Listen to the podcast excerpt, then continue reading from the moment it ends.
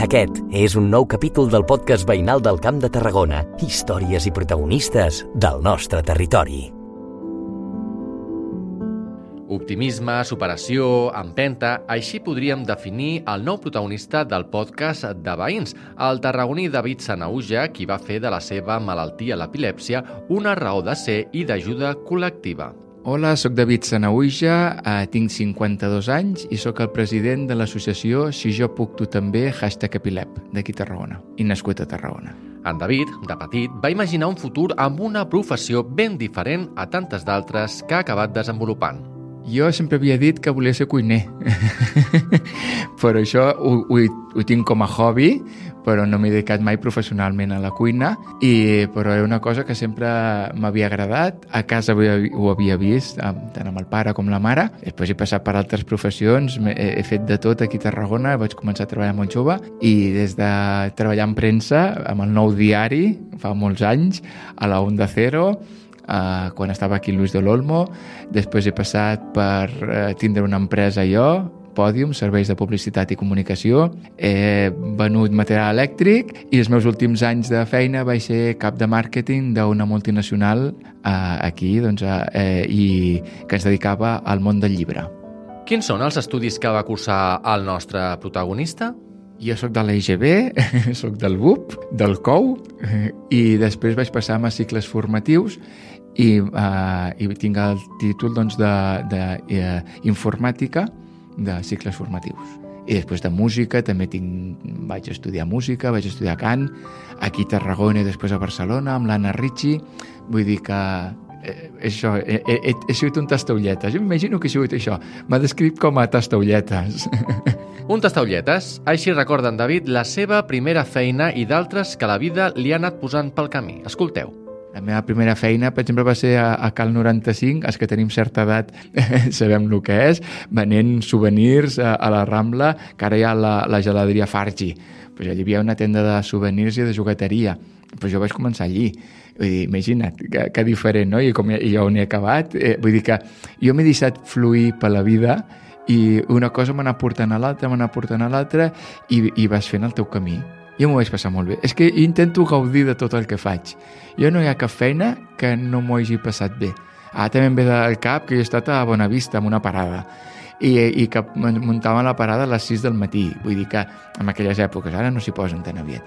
I, i jo tindré uh, relació amb la parada del costat i com que anava sol moltes vegades doncs vols que et porti a esmorzar vols que et... vull dir que jo sempre he, he, he procurat que la gent s'ho passi bé amb mi i jo passar-m'ho bé les coses tristes ja ens venen, no? I això ja, ja ens ve donat. Llavors és, és intentar donar-li el tom a tot i, i intentar, doncs, això, i llavors jo amb la feina, jo a Cal 95, a part de vendre les sevillanes i estoros, que això sí que no ho suportava, però jo m'ho passava bé, jo anava allà i gaudia de la feina. Després, a, a, a, amb, els mitjans de comunicació m'ho he passat superbé i gràcies a això he pogut fer entrevistes a gent super eh, famosa, xula i m'han aportat moltíssim. I després, amb, amb, amb, quan he estat en màrqueting, doncs he après moltíssim. Quan he estat al, al món de, del carrer de comercial, he après moltíssim també. I penso que tot això és el que ha anat forjant la meva personalitat, la meva manera de ser i, la meva, i, i tal com sóc, a part dels estudis que t'ensenyen tècnicament, però penso, m'agrada més dir que jo he vist que, que els meus estudis són la vida, no? la meva universitat és la vida, no és haver estudiat un, una, una assignatura en concret, sinó saber-me defendre davant de, de les adversitats o davant del que et passa a la vida i, i, i agafar el teu caminet.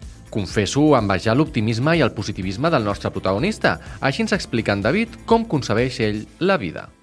Jo penso que sempre veig el got mig ple. Penso que sí, que, que, que tot s'ha de veure amb el got mig ple, perquè no serveix de res. O sigui, tothom tenim, a veure, no sóc un happy flower, ni, soc un, ni veig que visc un munt d'unicorns, no? Tenim males notícies, ens passen coses, i això també les hem d'acceptar.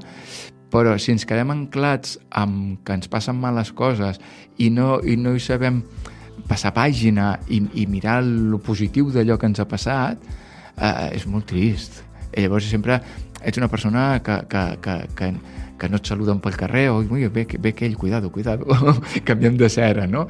Vull dir que jo prefereixo anar amb un somriure a la cara I sí, m'han passat coses i, i, i, i coses que, que te fan plantejar molt, molt, però dius, bueno, donem-hi donem el tom, vinga, pues ha passat això, pues jo vindrà alguna més bo.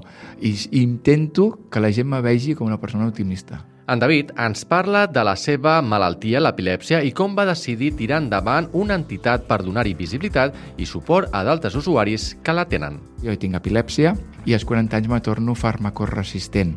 Això què vol dir? Que la medicació no ens fa tot l'efecte que ens hauria de fer i tenim crisis sovint, en el meu cas a diari i diverses. Ah, llavors, un 80% de la gent amb, amb la pastilla doncs, en té prou, aquest 20% som especials. I llavors Mm, per culpa d'això me van donar la minusvalia absoluta i vaig tindre que deixar de treballar que això va ser el 2015 doncs eh, me van dir doncs, de Seguretat Social, vaig fer els 18 mesos de, de baixa, passo els tres tribunals mèdics i, i em donen la, la minusvalia absoluta.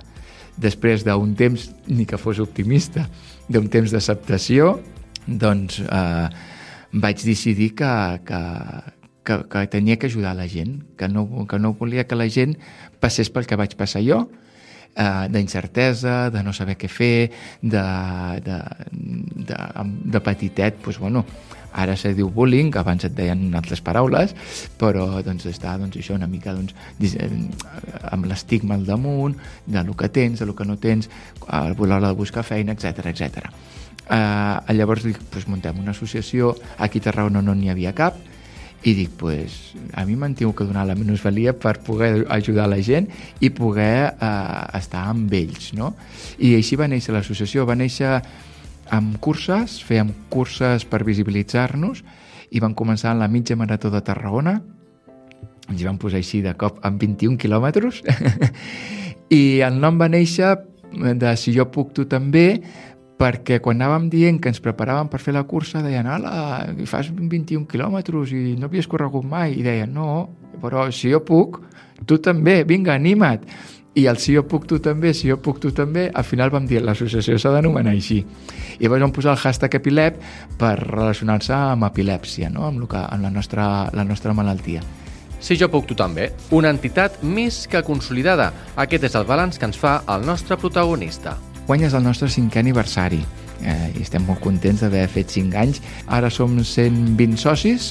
Eh, la gent ja ens atura a vegades pel carrer, mira, el de, de l'epilèpsia, o quan feu un mercadet et venen a trobar i et diuen, pues jo també en tinc, què podem fer? I, i mica en mica la, el boca-orella està funcionant. I fins ara havíem d'anar a buscar nosaltres o premis o donar-nos a conèixer i tot això, i ara és la gent ja que ens truca i ens proposa, i això és lo bonic. L'última proposta eh, eh, va ser, a part de la vostra, de, de gravar aquest podcast, va ser ara gravar un vídeo pel, pel X, pel, eh, per, les, per CatSalut, doncs, i que parlarem de l'epilèpsia i aquest vídeo el veurà tot Catalunya, vull dir, i serem els de Tarragona, vull dir, estem posant el, el, el focus a Tarragona i això està molt bé, hem de ser orgullosos de, de, de les nostres les coses que fem aquí, no? Com també vam crear el signe de l'epilèpsia, el superheroi, vull dir, estem fent coses que ho donem eh, per fet i que ho donem a, a, a, tot, a tot el món de la gent amb epilèpsia, però que han nascut aquí. Llavors això és el que ens ha d'omplir també d'orgull, no? I, i això ens fa, ens fa estar contents de, de la feina que estem fent. L'epilèpsia, una malaltia que ha avançat molt però que sempre ha estat força estigmatitzada, tal com ens explica en David. L'epilèpsia pot, pot vindre en qualsevol moment, edats freqüents, de 2 a 18 anys o més de 60. Però fins i tot dintre del ventre de la mare ja pots tindre les teves primeres crisis. És una ma malformació o una mala, mal traspàs d'informació entre neurona i neurona. I llavors allà hi ha un focus epilèptic i d'allí es desenvolupa la crisi. Primer s'havia confós que això Hollywood té molta culpa, amb malalties mentals. S'havia confós sempre amb el dolent de la pel·lícula, amb el psicòpata, i a més a més té epilèpsia.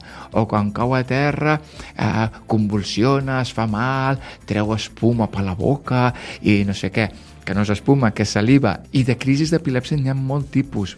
La ILAE, que és la Lliga Internacional de l'Epilèpsia, ja no parla en singular, sempre parla de les epilèpsies perquè cadascú té la seva, cada persona té la seva i per això els metges a vegades tenen aquesta dificultat també a l'hora de trobar el medicament, a l'hora de trobar quin és el teu tipus de crisi, on tens el focus epilèptic, que això està avançant molt. I és que l'entitat, a més de donar visibilitat i suport a qui pateixen epilèpsies, també recapta fons per a la investigació. Per això l'associació, una de les seves branques és la investigació, financiar estudis mèdics sobre l'epilèpsia. En aquest moment portem cinc estudis en, en marxa i, i tant de bo poguéssim fer-ne molts més i això és gràcies a tothom que col·laboreu a, amb, amb fer-nos aquestes donacions amb els mercadets solidaris, donacions espontànies o gent que ens truca o el que sigui, no? o fent nosaltres les nostres activitats que sempre hi ha doncs el moute per l'epilèpsia, eh, totes aquestes coses ho són per ja eh, cobrir gastos. Quins són els principals desencadenants de patir-ne epilèpsies i les seves crisis? A veure, quan, ja tenim des... quan, quan tenim el nostre focus epilèptic, els desencadenants més habituals serien no dormir, o sigui, po poca hores de son, el sucre, també el sucre desenvolupa doncs, tindre més crisis epilèptiques, no prendre la medicació, i llavors un 2%, per exemple, és fotosensible, llavors tot el que és llums, canvis de llums o, o sorolls doncs, també li afecta. També cadascú sap la, la, les coses que, que li... Per exemple, jo davant d'un ordinador uh, més de dues hores no hi puc estar perquè ja em comença a, a, bueno, ja noto que em ve l'aura l'aura és un previ a la crisi i llavors ja vist el meu cos que això ja, ja comencem a, a anar malament. Si estic molt concentrat, si estic, eh, per exemple, això llegint o mirant un, un, un mòbil o el que sigui i em criden, eh, llavors el fet de girar-me moltes vegades també és un desencadenant aquest, aquesta sobreestimulació d'aquest focus epilèptic llavors m'ha desenvolupar a la crisi.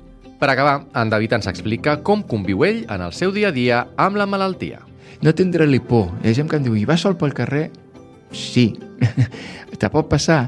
Sí he parat la circulació de Tarragona perquè me va passar una crisi travessant el carrer Ramon i Cajal eh, pel pas de Cebre i bueno, me va donar la crisi, per tant eh, eh, els, els cotxes després no podien circular per allà mentre jo estava encara en crisi però també pot caure una torreta al cap també pot passar qualsevol altre accident vull dir que hem d'aprendre a conviure és, és com si fos el meu germà bessó que el tinc amb mi i de tant en tant m'agasta trastades i llavors doncs, bueno, les tinc que, que aguantar no? I com més aviat assumim que tenim a, a, a, a aquesta malaltia, com qualsevol malaltia crònica, i tot això ho portes molt millor. Vull dir, jo per això sempre dir que el primer factor, i dintre l'associació, per això tenim els grups de multifamiliars d'epilèpsia, amb els psicòlegs i tot això, per ajudar a assumir que tens aquesta malaltia i què fer quan tens aquesta malaltia i, i, i, les crisis. No? Per això també la formació en escoles, en centres de treball i tot això, de dir, bueno, doncs tens una persona amb epilèpsia, com has d'actuar? I, i què no has de fer i què has de fer. No? I llavors, si normalitzem i ens veiem com a persones com som totalment normals, el que tenim una malaltia crònica, doncs cap problema. Es pot fer vida... El 80% el que et deia la pot fer normal del tot, i aquest altre 20%, prenem mesures, podem fer moltíssima cosa. David Sanauja, tot un exemple d'optimisme i coratge davant d'una malaltia com l'epilèpsia que cada cop té major visibilitat i avenços per la tasca d'entitats com la seva, destinant recursos a la investigació. El conegut Epilep, protagonista aquesta setmana del podcast de Veïns.